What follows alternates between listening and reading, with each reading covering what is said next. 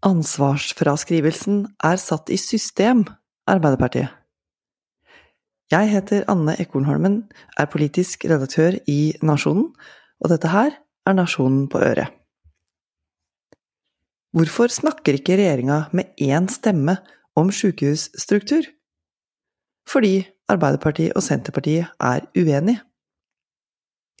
Klart det er tøft for mange Arbeiderpartipolitikere når Senterpartiet tar avstand fra alt som skjer, sier Wenche Pedersen, Ap-ordfører i Vadsø i Finnmark og leder av Øst-Finnmark-rådet.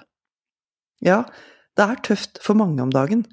For ansatte i helsevesenet som mangler kollegaer og må jobbe for to, for pasienter som kan miste livreddende helsetilbud, for vordende mødre som må reise i timevis for å føde, for politiet som skysser psykiatriske pasienter, og for politikere som må prioritere.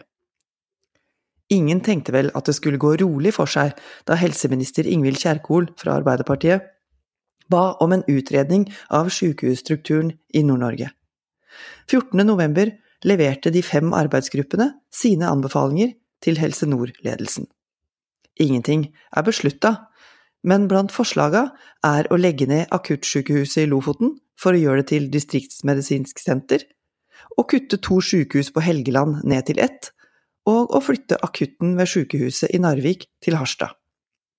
Marit Arnstad, parlamentarisk leder for Senterpartiet, erklærte kjapt i VG at hennes parti ikke går med på noen sentralisering av helsetilbudet i nord.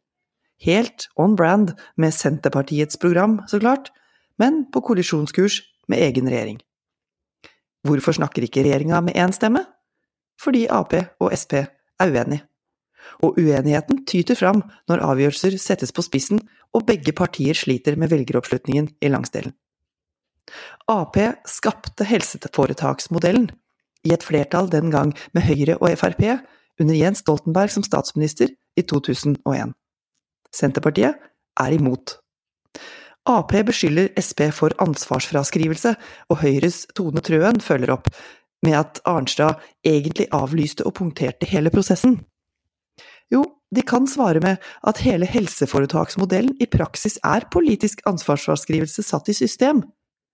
For sykehusstyrene skal bestemme. Stortinget er plassert på en armlengdes avstand.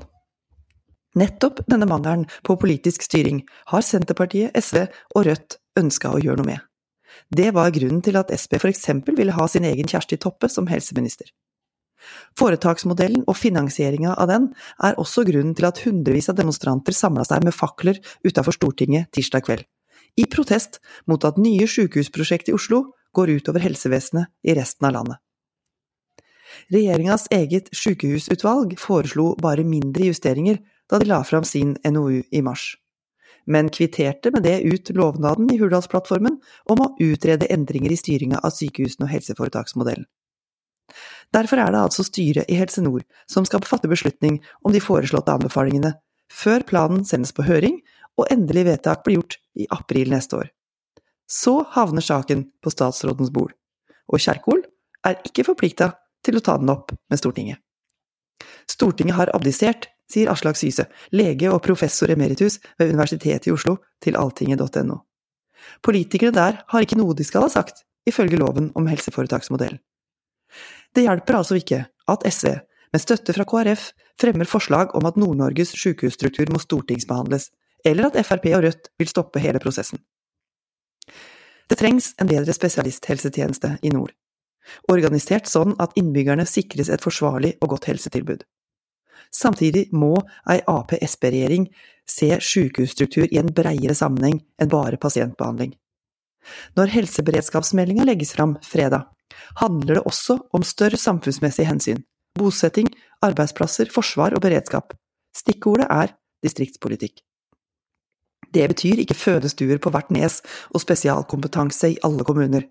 Men skal folk bo i de nordlige fylkene, så må det erkjennes at de ikke blør saktere.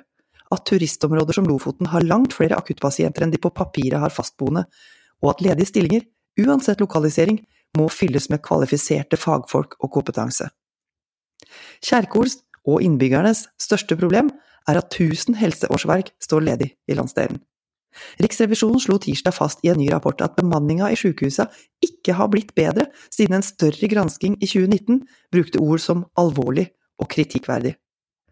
Det massive etterslepet på finansiering er Kjerkols arv fra tidligere helseministre, blant dem Bent Høie fra Høyre. Uansett hvor mye Senterpartiet protesterer for galleriet og mot egen minister, så står begge regjeringspartiene overfor en ny omdømmesmell i nord, hvis resultatet av strukturendringene er sammenslåing og sentralisering. Kjerkol kan selvfølgelig si at helseforetakene bestemmer, og skyve Helse Nord foran seg. Men hvis flere partier nå virkelig mener at sitat, en så omfattende endring av sykehustilbudet i hele Nord-Norge må besluttes i Stortinget og ikke på foretaksmøter slik det er lagt opp til i dag, sitat slutt, for det heter det nemlig i SVs forslag. Hvis flere partier nå mener det, så må de altså i Stortinget gå inn for en større endring av helseforetaksmodellen, av loven, og ta tilbake ansvaret. Dette var Nasjonen på øret. Jeg heter Anne Ekornholmen, og flere kommentarer finner du på fronten av nettavisa vår, nasjonen.no, eller der du hører dine andre podkast. Ha en god dag!